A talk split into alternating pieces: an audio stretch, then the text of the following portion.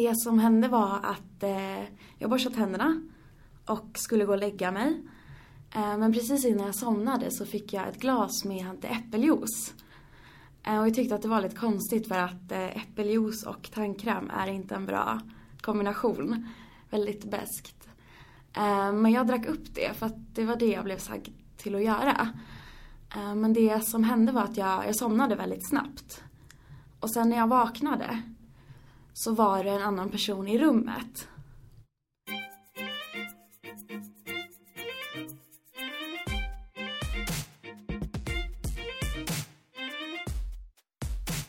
Hej och välkomna till Psykologipodden med mig, Jacqueline Levi. I dagens avsnitt ska vi få träffa Alexandra Brixemar. Under tio år så var Alexandra utsatt för människohandel och incest i en hederskontext.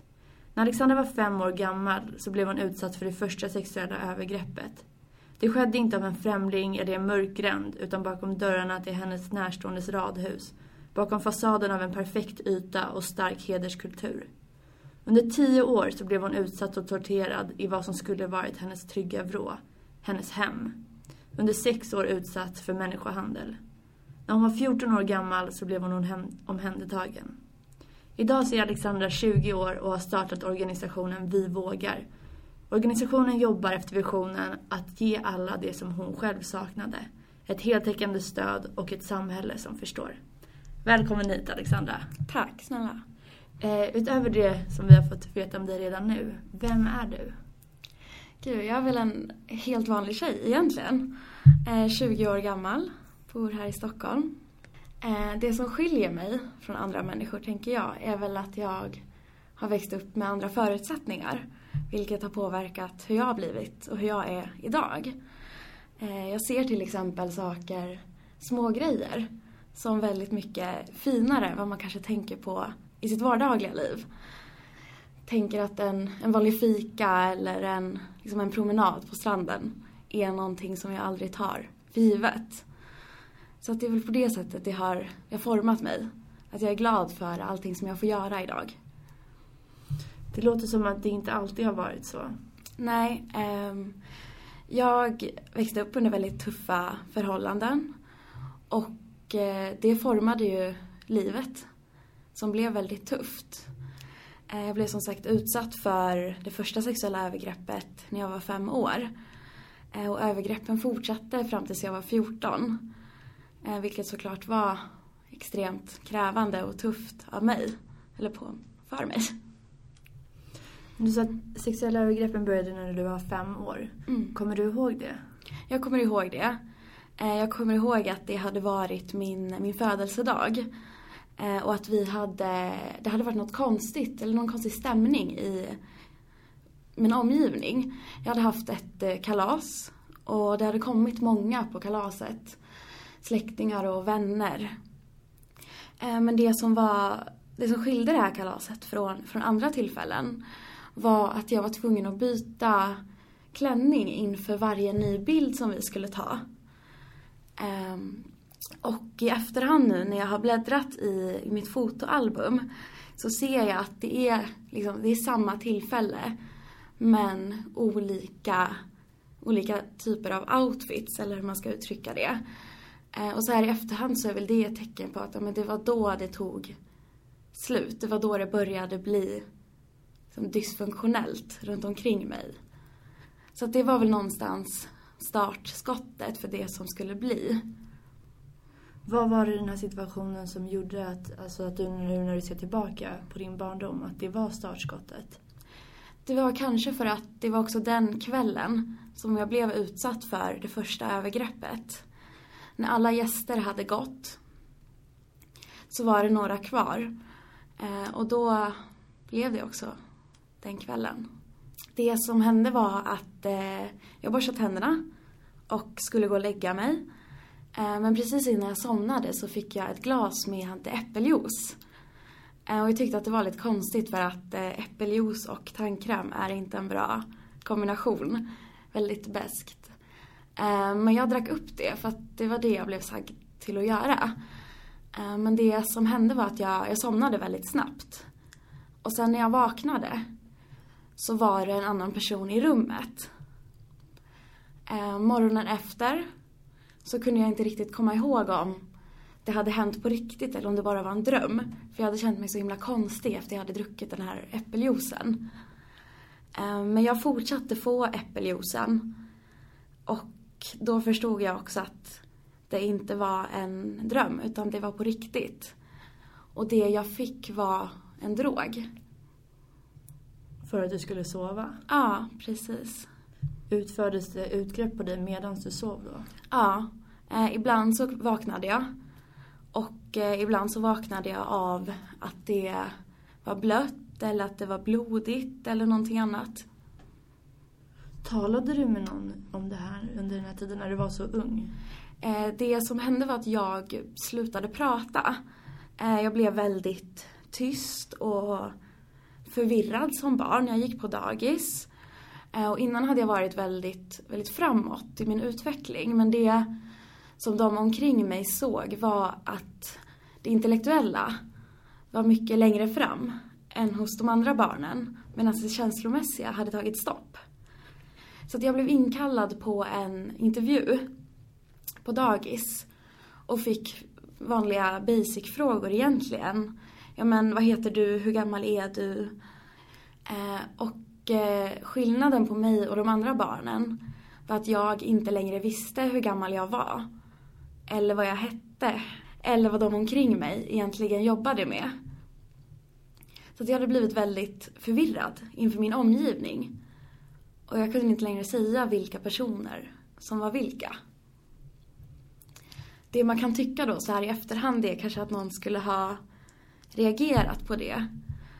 Men det man istället kom fram till att det bara var så. Vissa barn har den intellektuella utvecklingen längre fram och den känslomässiga senare. Och det var väl egentligen slutsatsen. Och det var aldrig någon som frågade dig om hur du mådde och, vad som pågick i ditt liv? Nej, utan efter det här så hände ingenting mer på den fronten. Övergreppen fortsatte och blev grövre men ingen frågade någonsin igen hur det var eller hur det såg ut omkring mig. Jag förstår att det måste vara helt omöjligt att lägga det ansvaret på ett barn. Men minns du att du hade någon typ av utåtagerande beteende som de vuxna kanske kunde ha sett och gjort någonting åt? Eh, inte till en början. Till en början så var jag väldigt, passade in i normen. Eh, men ett, jag fick ett utåtagerande beteende senare i mitt liv. Men till en början så kunde man inte se bara genom att titta på mig. Om man inte hade varit beredd på att se små tecken. Vad för små tecken hade det kunnat vara? Det man kunde se var att det inte var någon som kom till möten på skolan eller engagerade sig i det livet som kommer när man har barn inom skola. Och hur länge, det här började alltså när du var fem år. Eh, den här emotionella utvecklingen, minns du vad det var som hände inom dig? Jag minns inte vad det var. Jag minns bara att det kändes väldigt, väldigt konstigt. Det var så jag kunde förklara det. Det känns konstigt. Eh, det är svårt som barn att veta vad det är man är med om och lite vilken känsla man ska placera det i. Eh, så att jag visste bara att det här är konstigt. Mm. Jag var väldigt eh, orolig över till exempel utseende som barn.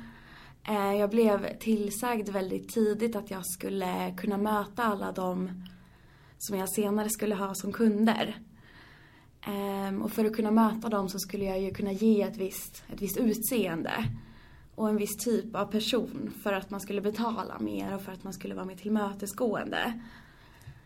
Uh, så att jag blev ju väldigt, väldigt, väldigt underviktig. Uh, och fick en ätstörning väldigt tidigt.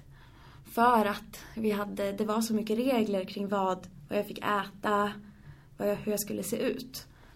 Så jag minns att på, på fritids och när det var rast i skolan så stod jag alltid i en spegel och tyckte att jag hade så mycket ångest över hur jag såg ut. Medan de andra barnen satt och lekte i ett annat rum. Jag bara ska försöka ta det lite i kronologisk ja, ordning bara för att jag ska kunna förstå ja. din hela historia. Så du började med incest när du mm. var fem år. Och sen så nämner du kunder. Och jag mm. vet att du har varit med om människohandel. Precis. Ehm, jag började utsättas för sexuella övergrepp när jag var fem år. Eh, det som samtidigt skedde då var att jag hade en hederskultur och kontext omkring mig. Eh, så att båda de grejerna var ju svårigheter. Hur såg Eh. den kulturen och kontexten ut? Det var en kontext som egentligen säger nej till sexuella handlingar och att integrera sexuellt med en annan människa. Eh, En kontext som har regler på hur man som tjej och kvinna ska vara.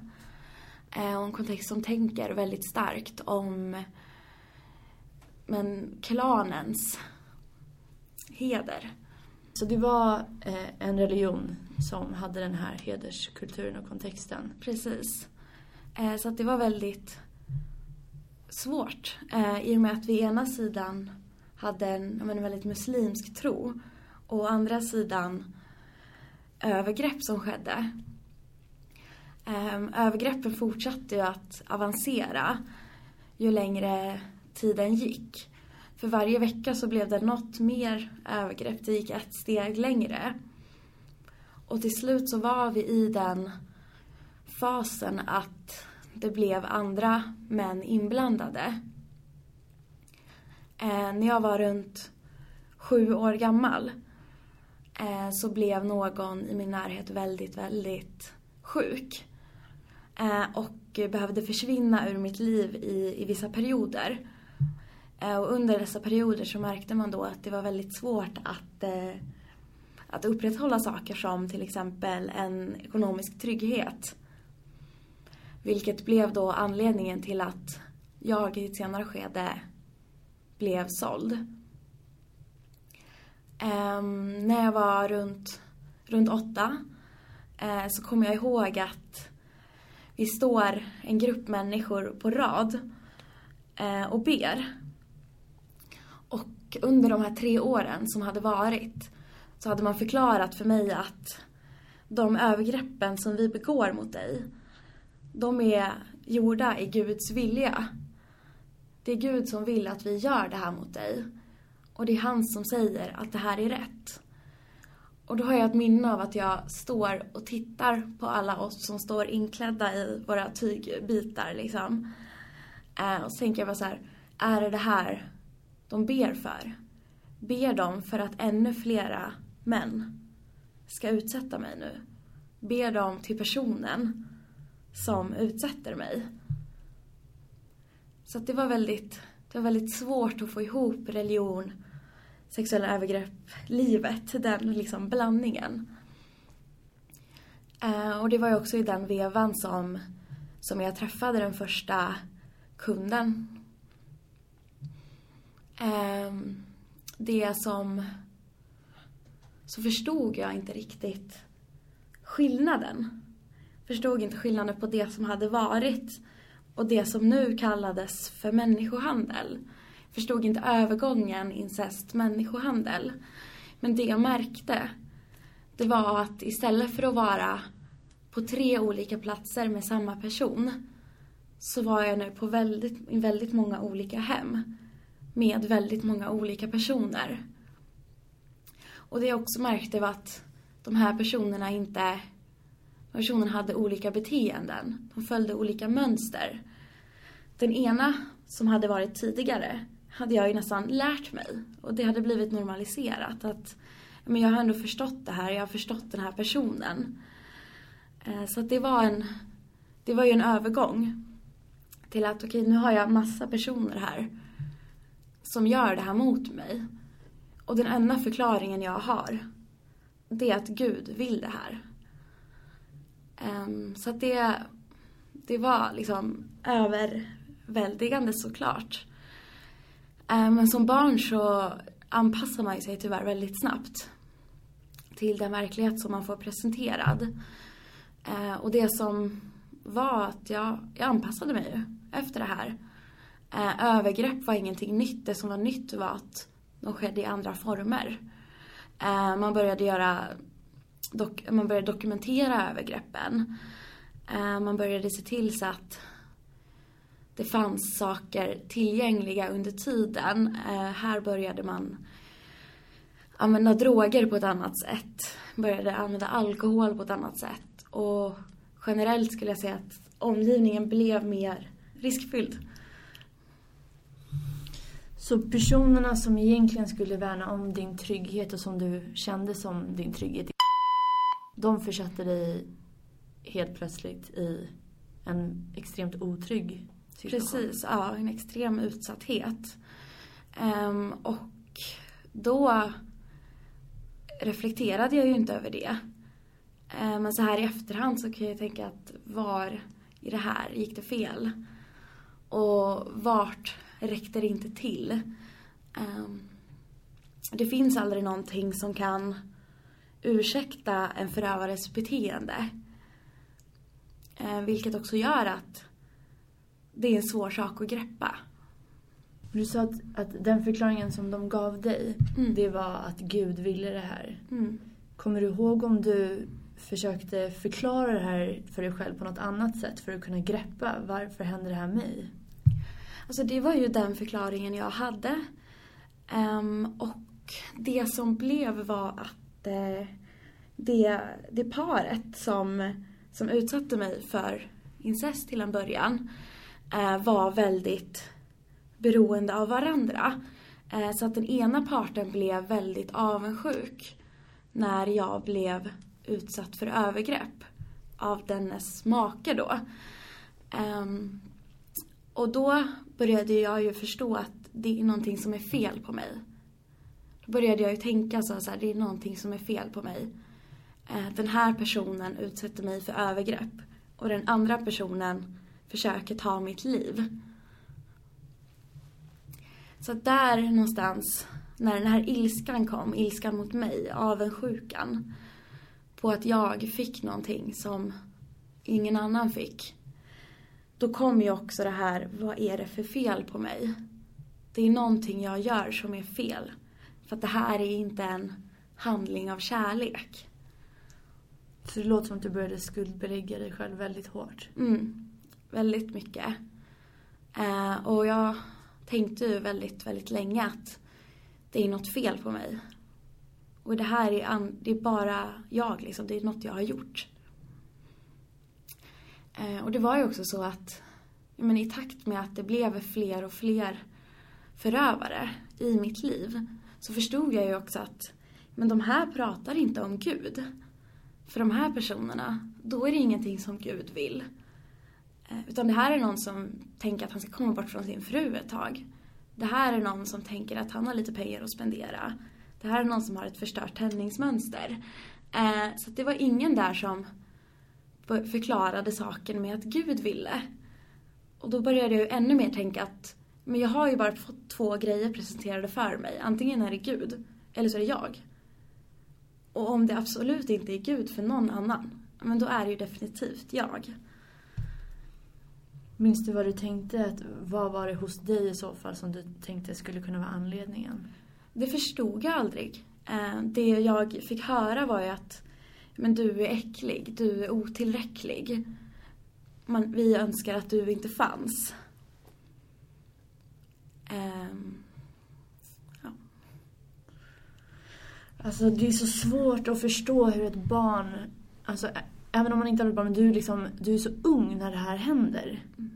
Och det här hände som du sa i en hederskontext, men det hände ju i Sverige. Mm. Precis, och eh, man tänker ibland att, eller jag får höra ibland att, ja men så där många förövare kan det faktiskt inte finnas. Har folk sagt det? Ja. Eh. Men så många förövare som du beskriver att det är, så många har vi inte här i Sverige. Eh, men det är, det, det är just det vi har. Och det är den viljan att blunda för det som gör det problematiskt för de här barnen som precis som jag var jätteutsatta. Precis som du säger, det här med eh, att det finns så många förövare. Och jag blir verkligen jävligt arg på att någon har ifrågasatt dig för det. Det är så vidrigt att det ska behöva ske. Men vilka var de här förövarna? Var det personer som tillhörde den här hederskontexten också? Eller kunde det vara vem Nej, som helst i samhället? det var väldigt blandat. Eh, det var vissa med väldigt bra jobb och väldigt hög ställning i samhället. Och sen var det tvärtom. Vissa som vi bedömer som ja, men med en mindre hög status i samhället. Så det var väldigt blandat. Det var folk som kom från segregerade områden, det var folk som kom från ja, men, högutbildade områden. Så det var väldigt olika, men det de hade gemensamt var att de ville köpa sex av ett barn. Och de kunde betala för det. Och var det så att de, de måste ju ha varit väl medvetna om din ålder? Absolut, det är ingen som är åtta och ser ut att vara 18. Pratade de någonsin med dig om och försökte på något sätt eh, justify eh, sitt beteende eller sina handlingar? Det var vissa som bad om ursäkt eh, innan. Innan? Ja. Eh, de bad om ursäkt och sa att det skulle göra ont. Eh, så att den ursäkten fick jag faktiskt ganska många gånger. Eh, de bad om ursäkt men de var ju tvungna. Och de bad om ursäkt men du är faktiskt så söt. Så då la de det på dig? Ja. Skuldbelagde dig igen? Precis. Kommer du ihåg alla förövare? Nej, eh, jag tror att vi försökte räkna ihop det där någon gång och vi kom ju upp i över 300 stycken. Eh, så att jag kommer inte ihåg alla förövare. Eh, men det jag började med var att jag började skriva upp alla jag visste om. För att jag var så rädd att jag skulle dö. Eh, till en början så var ju det, det var ju en rädsla. För att det här är ju våld och jag, nu är jag rädd. Så då började jag skriva upp dem. Ifall, bara ifall någon skulle komma och leta efter mig. För att jag inte hade kommit till skolan. Eh, så det, det gjorde jag.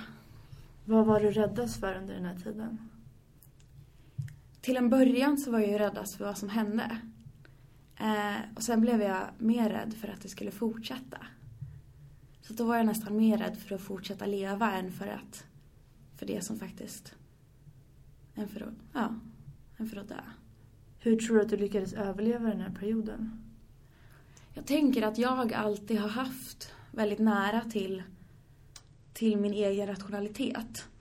Eh, jag började ändå ganska tidigt ifrågasätta och vara provocerande. Och det gav ju mig på ett sätt fler smällar. Men jag började ifrågasätta att men, i Sverige får man inte slå barn.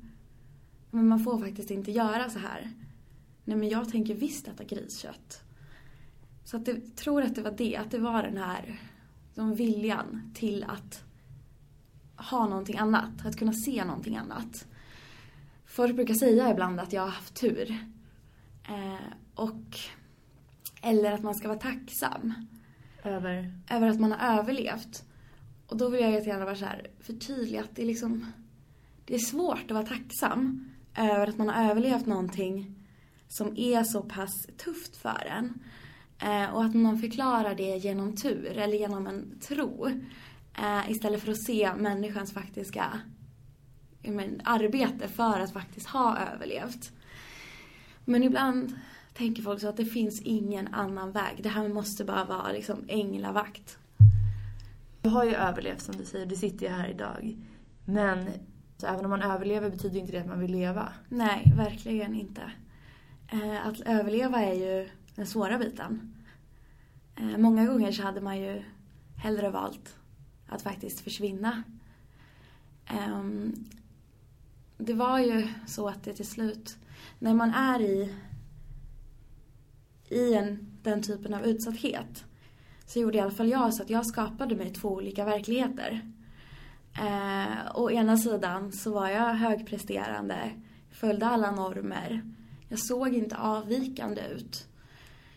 Och jag bara var med populär, hade pengar, var socialt anpassad.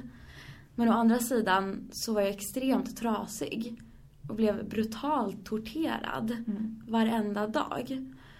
Och till slut så kommer man till den punkten, oavsett vad man har för inre kraft eller skyddsfaktor, att man inte kan hålla det här isär. Och det är olika när vi kommer till den punkten. Men till slut kommer vi dit att det går inte längre. Och den punkten kom väl för mig när jag började bli runt 12. Då började det här infekteras av varandra. De började, övergreppen var så pass brutala att jag fick faktiska skador. Det krävdes sjukhusvård, det krävdes skador som faktiskt syndes för andra människor. Ehm, så att det blev, det blev svårt att hålla det isär. Och då betyder det också att det ena tippade över lite i det andra och så blev det bara en stor eh, röra. För att innan det, då hade jag ju känt att jag hade kontroll. Innan jag var 12 kände jag ju aldrig att jag behöver prata om det här, eller det här är någonting avvikande. Så det var ingen som visste om förutom förövarna? Ja, eh, så det var ingen som visste om det innan dess. Utan då hade jag ju levt med att de här två verkligheterna, de ska hållas isär. Men båda måste finnas. Var det din överlevnadsstrategi? Ja. Så det var väl så jag, så jag liksom tänkte väldigt länge att det här måste vara isär. Eh, och till slut så bara blev det så pass liksom brutalt att jag bara kände att det går inte längre. Eh, och det började ju med att jag blev väldigt, väldigt arg. Väldigt utåtagerande. I den här delen som annars hade varit perfekt. Det var också här jag började ifrågasätta väldigt mycket hos, eh, hos förövarna. Eh, så att jag blev arg. Och eh, till slut hände ju det att någon tog in mig på ett möte. Och frågade liksom så här, men var, du är liksom, du beter dig inte okej i skolan. För att jag började liksom slå sönder saker i min omgivning.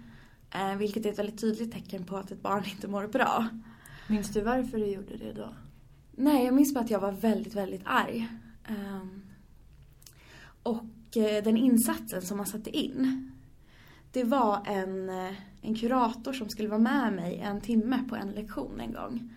Bara för att se hur mitt beteende såg ut i grupp. Och vi tog oss igenom den här timmen relativt smärtfritt. Och sen såg jag aldrig den här kuratorn igen. Så det var den insatsen som, blev, som de satte in. Eh, och aldrig frågan hur mår du? Varför har du sår på hela kroppen? Eh, utan bara väldigt, väldigt stor förnekelse och okunskap. Och förövarna tänker jag bara, eftersom att det blev mer och mer fysiskt Mm. synligt mm. från utsidan. Blev de också mindre oroliga för att det här hade pågått så lång tid Mm. för att bli upptäckta eller påkomna? Ja, jo men precis. Eh, det var ju så att jag fick några som var, ska man säga, stamkunder och som fortsatte komma genom hela, hela åren. Och sen var det ju några som kom nya. Men det var som att de på något sätt bara stängde av det de såg. Och fick det de ville. Ehm, det var väldigt mycket, väldigt mycket droger inblandat. Och eh, ett barn eller en, vem som helst som går på droger får ju en väldigt skev bild av, av verkligheten. Eh, så att ibland under övergreppen så var jag väldigt, väldigt avtrubbad. Och ibland så var jag väldigt, väldigt med. Eh, men det, det var ju såklart, förövare skiljer ju sig. Det finns ju olika anledningar till att en person köper sex. Alla är fel men det finns ju olika anledningar. Eh, det jag tyckte var jobbigast, det var ju de som, de som ville prata. De som inte var, kunde hantera de som slog, de som var liksom elaka. För där kunde jag på något sätt stänga av och bara låta det ske. De som var snälla, de som... Snälla, men i den bemärkelsen.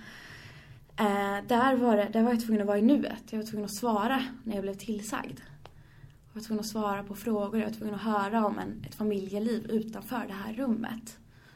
De berättade alltså om sina liv. Mm. Tror du att det var för att de blev mer mänskliga för dig då? Att det var svårt att få ihop att en människa kan både vara på det här sättet och sen kan den bete sig så här mot mig? Precis, ja självklart. Och på något sätt så stänger jag inte, stängde jag inte av på samma sätt. När det, det var någon som faktiskt var lugn och, ska man säga, harmonisk i sitt sätt. Kommer någon in och ja, men börjar brutalt misshandla dig. Till slut så bara får man ju, lär man sig bara liksom dissociera ut. Eh, Men är någon närvarande så blir det lite svårare. För dissociation är ju väldigt vanligt, speciellt vid sexuella övergrepp. Precis. För de som inte vet vad det är, vill du förklara hur det var för dig? Eh, dissociation är en försvarsmekanism. Kort sagt ett sätt att eh, skydda sig mot det man utsätts för. För mig blev det väldigt tidigt att jag började zooma ut. Eh, jag fick en, den svåraste dissociativa diagnosen vi pratar om idag. Eh, så att jag utvecklade en, en dissociativ identitetsstörning väldigt, väldigt tidigt. Mm. Man brukar tänka runt fem års ålder. Och den skyddade ju mig. Såklart, för att det var ju det som var syftet. Men den var ju också svår när jag skulle vara perfekt i den andra delen av mitt liv. För de som inte vet vad den identitetsstörningen är för någonting, vill du berätta lite om det? Eh, dissociativ identitetsstörning, förkortas DID, eh, innebär att eh, man vid, vid systematiska övergrepp oftast splittar personligheten. Eh, så att man delas upp i delpersonligheter som är dissociativa. Eh, och som representerar en känsla, en förövare, en individ i livet. Eh, det kan vara en andlig eller ett djur eller vad som helst. Och sen så växlar individen mellan de här beroende på vad det finns för men vad situationen kräver. Ofta omedvetet. Mm. Det hålls ibland en dialog mellan de här delarna. Ibland ingen dialog alls. Så det, det är en väldigt komplex eh, psykologisk skada. Men fanns det någon kärna i din identitet? Eh, ja, jo men det gjorde det. Eh, det finns ju alltid en, en person liksom. Mm. Men jag tänker tillbaka för att nu har vi kommit upp till att du var ungefär 12 år. Mm. Um, och du berättade att det var både sexuella övergrepp mm. uh, och fysisk misshandel. Mm. Kunde det vara så att hängde de ofta ihop med varandra? Ja, jo men det gjorde de. Um, väldigt ofta så... Jag har lärt mig att människor som köper sex ofta köper sex för att det de köper är en tjänst som inte är tillgänglig någon annanstans. Eh, och man kanske vet någonstans att nej, men jag kan faktiskt inte misshandla min fru. Kanske man på något sätt får det logiskt att köpa det istället. Så att de, de hängde ihop. Ibland, ibland inte. Men väldigt ofta. Eh, och ja, men det blev ju så efter det här kuratorincidenten eh, eller vad man nu vill kalla det. Misslyckandet från ja, skolans misslyckandet, sida. Ja. Eh, så bara liksom, men det bara fortsatte ju. Eh, och jag började ju sluta vilja leva här. Kände jag, alltså kan någon bara ta livet av mig? Kan någon bara liksom ha händerna lite för hårt runt min hals bara en stund till? Så det var ju så jag började tänka till slut, att bara så här, väntade på sista övergreppet. Och var beredd på att ja, men det här måste liksom hända. För att det finns inget annat sätt att komma ur det här. Eh, och jag hade fortfarande inte kommit så pass långt mentalt och omgivningen hade inte gett mig så pass mycket trygghet att jag kände att det var någonting fel som hände. Eh, utan det var ju bara en, en process i mitt liv. Mm. Eh, som jag själv förhöll mig till. Det var ju någonting som jag visste att jag inte fick prata om. Och någonting som jag visste att människor skulle bli väldigt arga på mig om jag sa. Men jag förstod aldrig riktigt att men det här händer inte. Eller om det här är faktiskt fruktansvärda brott. Mm. Eh, det var väldigt oklart för mig. Men de personerna som först eh, utförde incest mm. eller eh, övergrepp och sen senare sålde dig. Mm. Fortsatte de med sina övergrepp under de här åren också? Ja, de fortsatte med sina övergrepp. Eh, så att det blev bara men, en jäkla massa förövare överallt. Var det någon som uttryckte medlidande för dig? Var det någon gång att eh, någon reagerade eller någon, även till och med förövarna på något sätt? Eller de som utsatte dig för incest? Ibland hände det ju att folk sa ja men lilla gumman Eh, när de kom in i rummet. Men det stoppade ju aldrig någon från att utföra handlingen. Och då tänker jag att det är någonstans den lilla gnuttan av liksom, ja men, trygghet eller godhet som man har skänkt, den har ju försvunnit. Eh, samma stund som man faktiskt begår övergreppet. Eh, så att jag kände väl inte riktigt att jag hade någon som kunde vara trygg och stabil. Eh, just de, de åren fram till 12. Eh, men i och med att det blev, det blev svårare för mig att hålla isär så blev det ju lättare för kompisar till exempel att se. Ehm, jag vet att om man hoppar lite tills, tills jag var runt 13 eh, så hade jag en kompis och hennes, hennes föräldrar eh, som bara, jag vet inte riktigt hur de förstod men de började fatta att det var någonting som, som inte var okej. Eh, och då började de fråga hur det såg ut runt omkring mig. Eh, och när jag inte, när jag inte ville svara riktigt eller inte visste vad jag skulle svara så förstod ju de att det är någonting som är, som är fel här. Så de började ju höra av sig och de började vara tillgängliga och på något sätt ändå vara i alla fall en typ av trygghet som jag inte hade haft. Eh, så att i takt med att de fanns kvar eh, så, så började jag ju förstå någonstans att jag är utsatt för någonting. Ehm, och när man, när man förstår det så blir det nästan tuffare att förhålla sig till det man är utsatt för. För att i en normaliseringsprocess så har man ju anpassat sig. Men om man helt plötsligt har ett helt liv som bara Va? Jag har tänkt fel om allt. Det är något helt annat det här som händer. Eh, så mår man ju självklart sämre till en början. Eh, så att jag började i samma, liksom, i samma period eh, faktiskt också att, eh, jag menar att självskada. För att jag först, började ju någonstans förstå att ja, men det är någonting som är fel här. För fråga, när du insåg att det var någonting som var fel, att de här två världarna mer och mer började växa ihop till en värld. Mm. Psykologiskt att jag bara tänker så här förövare och, och hur man identifierar sig och anpassar sig. Kände du att du behövde skydda den här förövarbiten från den andra biten? Absolut. Ehm, även om man... Alla som man har en beroendeställning till när man är barn får man ju en lite komplex relation till. Det finns ju den här hatkärleken. Där jag vet att du ena sidan kommer skada mig. Men jag vet å andra sidan inte hur jag ska leva utan dig. Så det finns ju fortfarande, det finns ju hela tiden med det här dubbla. Att jag är rädd för dig. Men jag måste ha dig. Den här familjen började finnas där som en trygghet för dig. Mm. Och vad hände sen? Eh, det som hände var att jag eh, blev... De började märka i form av att eh, människor började slänga pengar på mig när jag var ute på stan. Slänga pengar? Ja. Bokstavligt talat? Ja, bokstavligt talat. Eh, det blev så pass, jag är uppvuxen i en liten by liksom. Så det blev så pass liksom uttalat att jag gjorde det här till slut för att jag kunde inte hålla isär.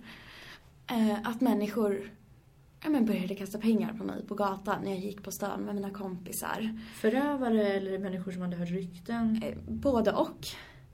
Alltså jag blir så ehm. jävla jag vill bara hänga ut varenda jävel. Jag vet att vi inte får det men... Och eh, liksom det stod hora på mitt skåp i skolan. Jag kunde inte gå någonstans utan att någon följde efter mig. Det blev så pass liksom infekterat att det var liksom otalat att det här, det är hon. Det är hon som är en hora. Um, och... Då la skulden på dig Ja, igen. precis. Och så var det en jag vet att där i samma veva att det var en eh, förövare som ville hämnas på mig. Eh, som hade, det var inte lika stort då med att eh, man blir kontaktad på nätet och att man skulle göra saker på nätet. Det var inte lika uttalat som det är idag. Eh, men då så var det att jag, att jag fick ett att jag fick ett erbjudande där, eller vad man nu vill kalla det. Eh, och faktiskt sa nej jag kommer inte gå med på det här. Eh, det som hände var att den här personen ja, men utsatte mig sen i verkligheten istället. eh, bemödade sig att eh, fotografera kalaset och stoppa i folks brevlådor. Eh, och det var ju den vevan också folk började kasta pengar efter mig. Så att istället för att man tänker här har vi ett extremt utsatt barn, vi ringer polisen. Så blev det någon så här massreaktion av att här är en prostituerad. Um, så att, ja och självklart blev ju det kaotiskt i mitt huvud. Uh, för att ingen annan hållde isär längre. Det gick liksom två män efter mig. Hela, hela tiden. De stod i matsalen i skolan. De var överallt. Varför? För att ha koll på att jag inte berättade för någon. För att Vem ha hade skickat dem här? De var ju... Det här blev ju liksom ett nätverk. Där många människor hade sin roll. Här har vi den som tar emot pengarna. Här har vi den som kör. Här har vi den som tjänar på hela kalaset. Så att det blev ju ett nätverk av, som det blir vid människohandel, att det blir flera aktörer inblandade. Eh, och när ingen annan håller isär, då kunde ju inte jag heller. Och så hade jag ju samtidigt den här kompisen som började ge mig någon typ av trygghet. Eh, så det blev ju bara total kaos i mitt huvud. Eh, och jag började liksom skära mig och fortsatte med eh, ja, men, svält som hade varit tidigare och sådär. Som ett sätt att kontrollera det du kunde eller? Jag kan inte riktigt svara på varför. Så här i efterhand så vill jag säga ja för att jag vet att det var så, det kan förklaras så. Eh, Men jag bara kände väl att jag var väldigt, väldigt ensam. Och väldigt utpekad framför allt. Eh, Jag kunde inte gå någonstans utan att folk visste att det här är hon. Eh, Och det blev ju jobbigt att ha det. Att folk skrattar åt en när man går förbi eller att folk ropar saker efter en eller... Det är Men vad är det här för människor? Alltså hur fan kan det här fortgå i ett litet samhälle? Det här är alltså helt vanliga människor. Ja. Eh, och, vad ska man säga, det... Ja, nej men du fattar ju. Det blev ju bara kaos i mig. Ehm, så att eh, jag, det här som hade varit liksom perfekt och bra, det, det kunde inte vara perfekt längre. Eh, alltså, jag hade ju börjat liksom få kunder på lunchraster. I- När jag, hade så här, jag gick från skolan dit, från, dit från, ja, tillbaka till skolan och bara... Det bara blev så infekterat. Eh, Vad var det de tvingade dig att göra? Eh, alltså brutalt sexualsadistiska övergrepp. Eh, många hade ju liksom... Nej men det var ju deras stund att få deras liksom sjuka sexuella fantasier uppfyllda. Och det fanns ingen gräns. Inget stoppord som man vill försköna det med idag när man förklarar BDSM. Det fanns inget stoppord. Det var ingen som sa till mig att men om du inte vill det här, om det här är ont, säg det här ordet då så stannar vi. Det var ingen som presenterade det. Eh, utan det här är, om du är bokad en timme, då gör du vad den vill i den timmen liksom. Eh, och vissa grejer är ju extremt förnedrande. Även om man är van vid, vid övergrepp eller vid eh, en hederskontext så är det ju vissa grejer som man tar med sig för att man är tonåring. Eh, får, får jag nämna någonting? Ja, du får nämna vad du vill. Ja. Jag vill att folk som lyssnar på det här, för det är så jävla lätt för folk att slå, slå ifrån sig. Vi pratade om det kort innan när vi pratade om Mm. statistik. Att folk liksom inte ser människorna bakom och du är en av de människorna bakom och det här pågår idag. Mm. Och jag vill verkligen att folk ska fatta det. Mm. Berätta exakt vad, vad som har hänt och det Mm. du orkar. Nej men alltså det dyker ju upp så här, vad kallas fetischer som folk får. Eh, och vill, ja, men de vill ju prova det de ser i porren. Eh, och antingen har de sett mig innan i porr, eller ja, dokumenterade sexuella övergrepp på barn som det är. Eh, eller så vill de liksom prova för första gången. Eh, och vissa vill ju till exempel att ja, men jag vill att du ska kissa på mig. Eh, och förutom att det är liksom ett övergrepp så är det ju en så här, grej för hjärnan när man, är, när man är tonåring också att nej men vänta, va? Det här är jätteförnedrande för mig. Eh, så att det är vissa sådana grejer som jag bara känner att så här, nej. Fy liksom. Men du säger att, du berättade det tidigare också att, eh, eller du har nämnt det att, att några av förövarna, eller många av förövarna började dokumentera och sen Mm. sprida det här materialet på dig. Mm. Såg du någonsin det här materialet? Ja, eh, vissa ville att, eh, att vi skulle kolla på någonting som hade varit tidigare. Ehm, innan de själva liksom började, liksom någon typ av förspel. Ehm, så att jag såg väldigt mycket av det. Och självklart väldigt, väldigt jobbigt att se. Ehm, och väldigt jobbigt att veta att andra ser. Ehm, och kan se hur lång tid som helst framöver. Ehm, men det var väl... Ja, du... Jag försökte liksom vara lite kaotiskt. Ehm, och till slut så blev jag utsatt för ett... För en våldtäkt utomhus. Eh, och var så pass skadad att jag inte kunde ta mig hem.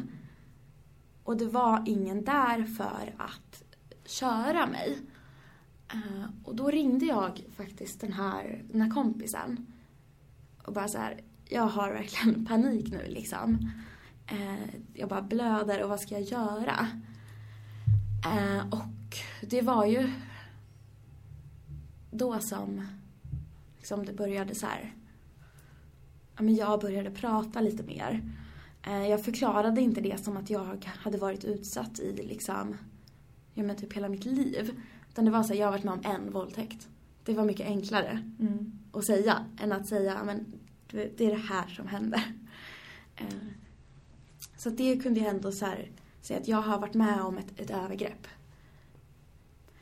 Ehm, ja. Vad hände? Kom de och hämtade dig då? Det som hände var att jag, jag tog mig hem på något konstigt sätt, haltade mig hem. Eh, men gick ändå dit och, eh, och pratade med dem och fick en kram och ja, men fick ändå väldigt typ, ja, men en stor trygghet och ett bra bemötande. Eh, men jag gick hem sen och det fortsatte ju.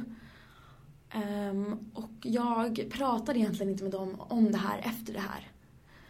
Utan eh, de försökte få mig att, eh, att gå, på ett, att gå på ett förhör.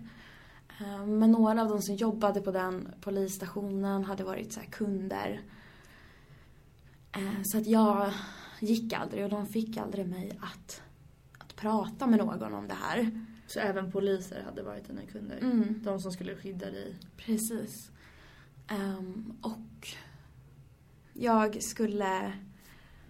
Eh, nej men jag slutade prata om det liksom. Eh, de såg ju bara att här, du, vi ser att du är, alltså att du är i dåligt skick.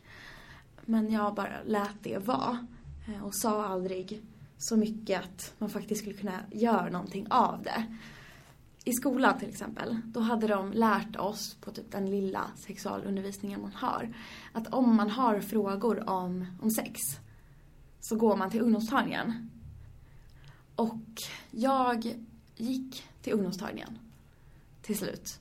Efter den här äh, våldtäkten utomhus och efter att jag hade börjat prata lite grann. Ähm, och fick väldigt, väldigt dåligt äh, bemötande. Äh, jag berättade väl vad som hände och men så mycket jag kände att jag kunde. Och fick frågan, tycker du att det är skönt? Eh, Vill du att, är det här någonting du skulle kunna göra fler gånger? Och då hade jag liksom hela mitt, eh, allt jag kunde berättat att men det här händer, de här är så mycket äldre än mig. De här utsätter mig för det här.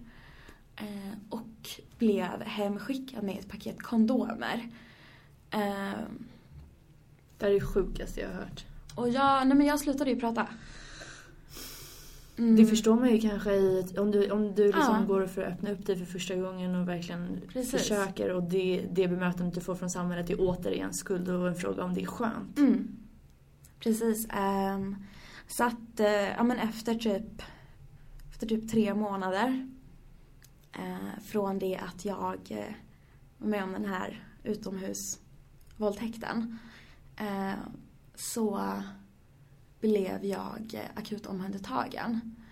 Eh, den kompisen då gjorde en, en orosanmälan till slut.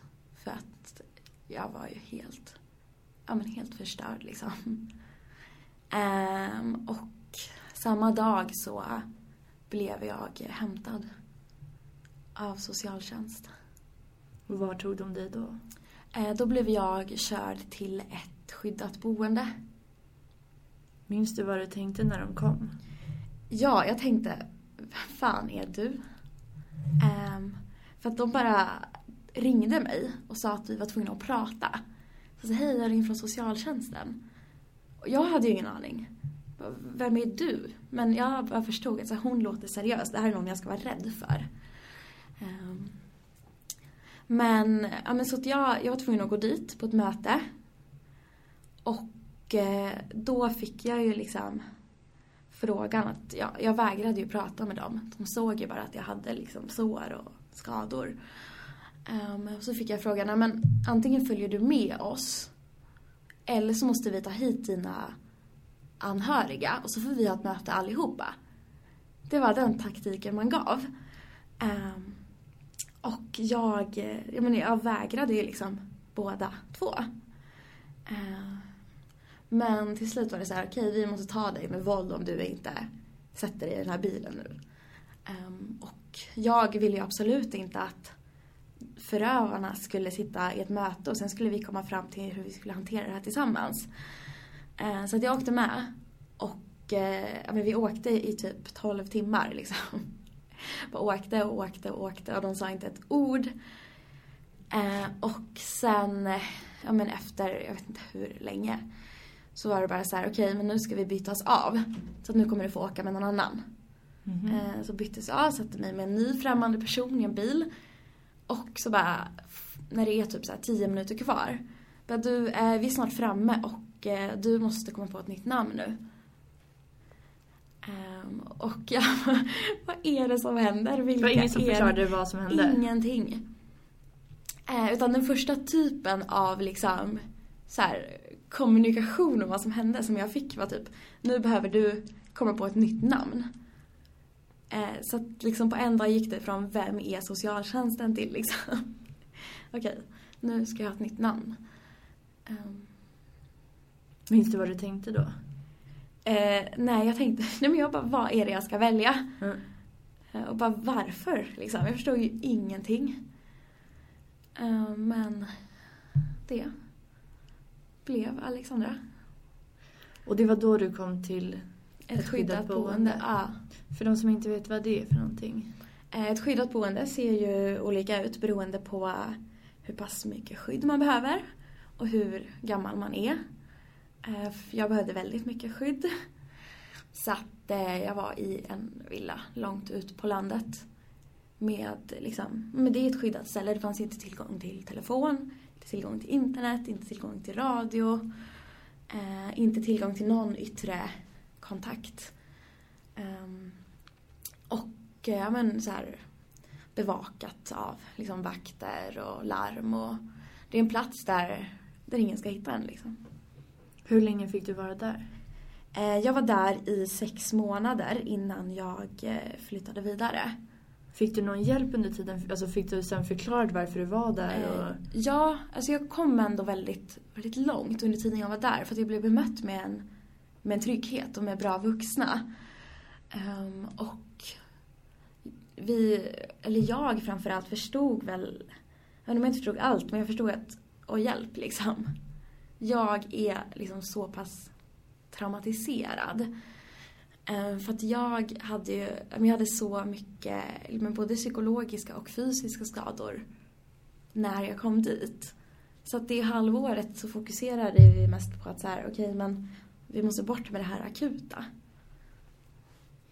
Och du sa att, att eh, du behövde väldigt mycket skydd. Mm. Vad grundade sig det i?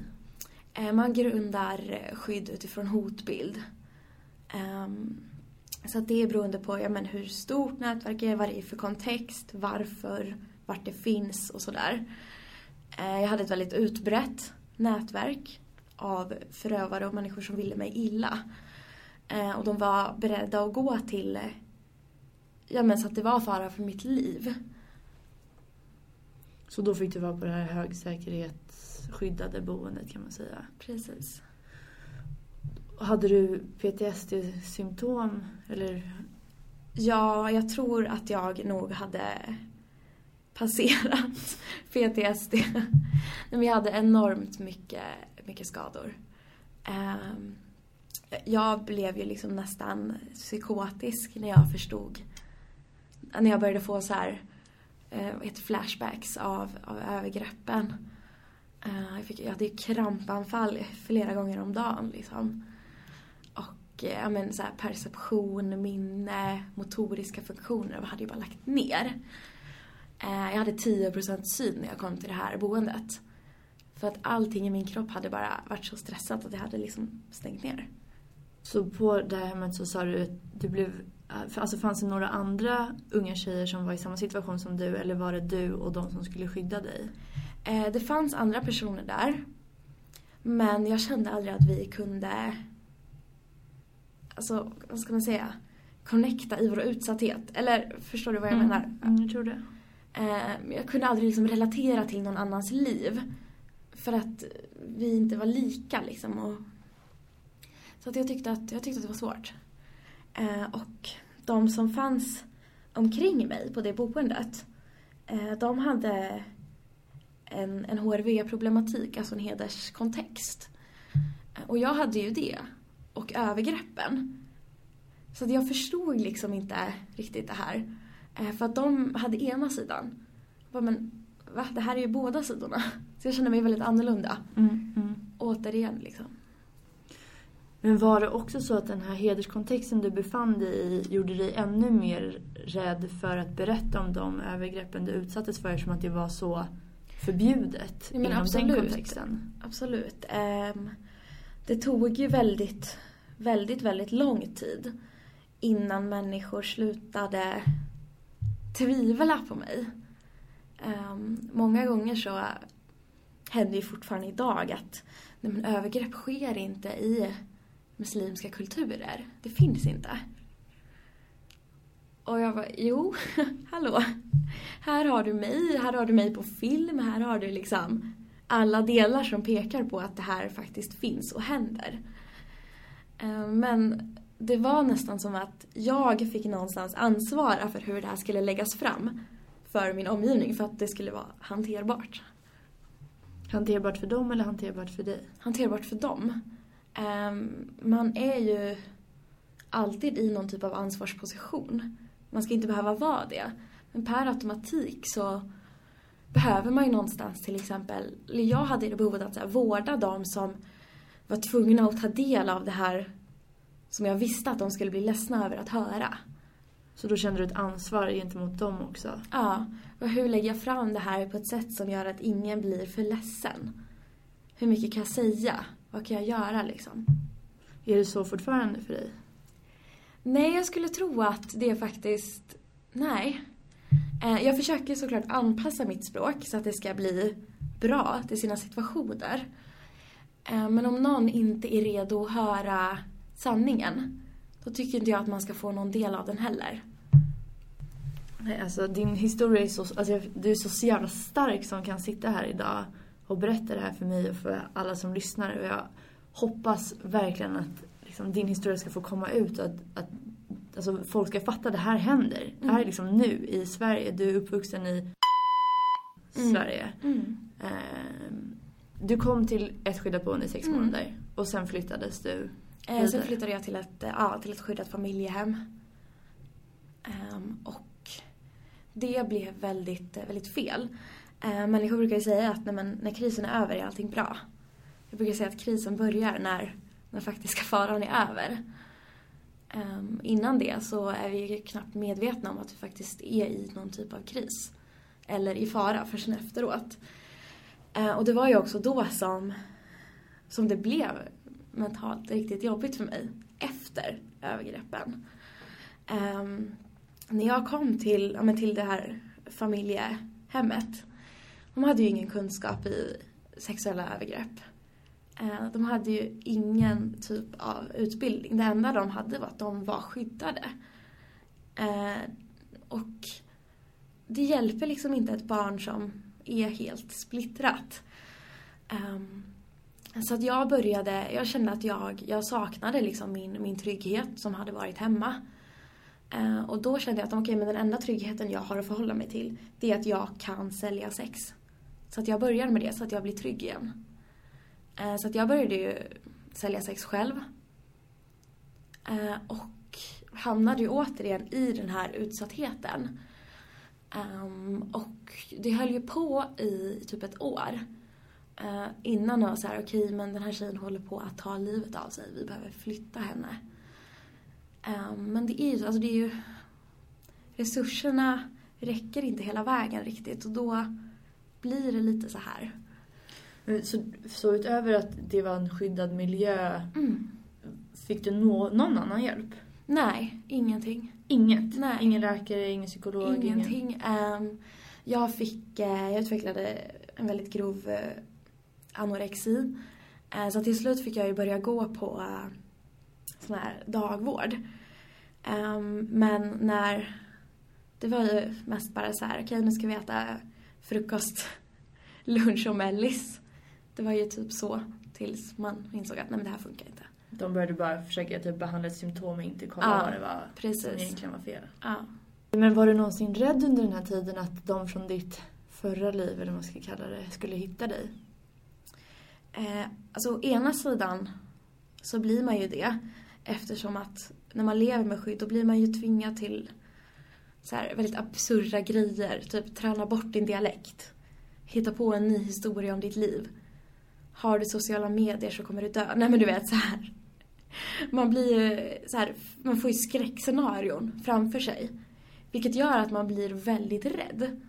Eh, för att okej, okay, de här trygga vuxna i mitt liv, som är trygga nu, de berättar om all den här faran som jag är utsatt för. Och då blir man ju rädd. Men då behöver man ju det här behovet av trygghet ännu mer. Och om de inte är, om de bara vill benämna faran, mm men inte vill stanna kvar för att vara trygga, en trygghet får man ju söka den någon annanstans. Och det var så du hamnade tillbaka? Ja. Hade du någon kontakt med dina tidigare förövare eller från de som utsatte dig för incest? Eh, nej, jag eh, fick inte ha någon kontakt med någon från mitt tidigare liv, eller vad man ska säga. Eh, och är man barn så, och är på LVU så är det lite någon annan som väljer det. Mm. Och hur, så du, du utvecklade anorexi mm. eh, och du sålde sex igen och mm. sen så kände du att du vill inte leva längre. Mm. Vad hände? Vad var det som kom till en slutpunkt? Alltså det var väl att min ätstörning blev så pass svår att det faktiskt inte gick att ha mig hemma hos någon längre. Um, det var så extrema bråk. Um, och den familjen jag bodde i, de hade inga som helst verktyg för att hantera den liksom, ätstörningen som jag hade. Så det blev väldigt mycket bråk och till slut bestämde man att det här går inte. Du måste flytta härifrån. Var skickades du då? Um, det här är nog det mest eh, klyftiga beslutet socialtjänsten har tagit tror jag. Nej men jag blev satt på ett, eh, först fick jag vara på sjukhus tills jag blev, eh, inte liksom, vad heter det, ja, men tills jag kunde leva liksom. Tills jag inte var risk för död. För att du var så undernärd? Ja. Eh, men sen så kom jag till ett, ett behandlingshem eh, med inriktningen kriminalitet och eh, drogmissbruk. Eh, så att jag var där med, med typ tio män.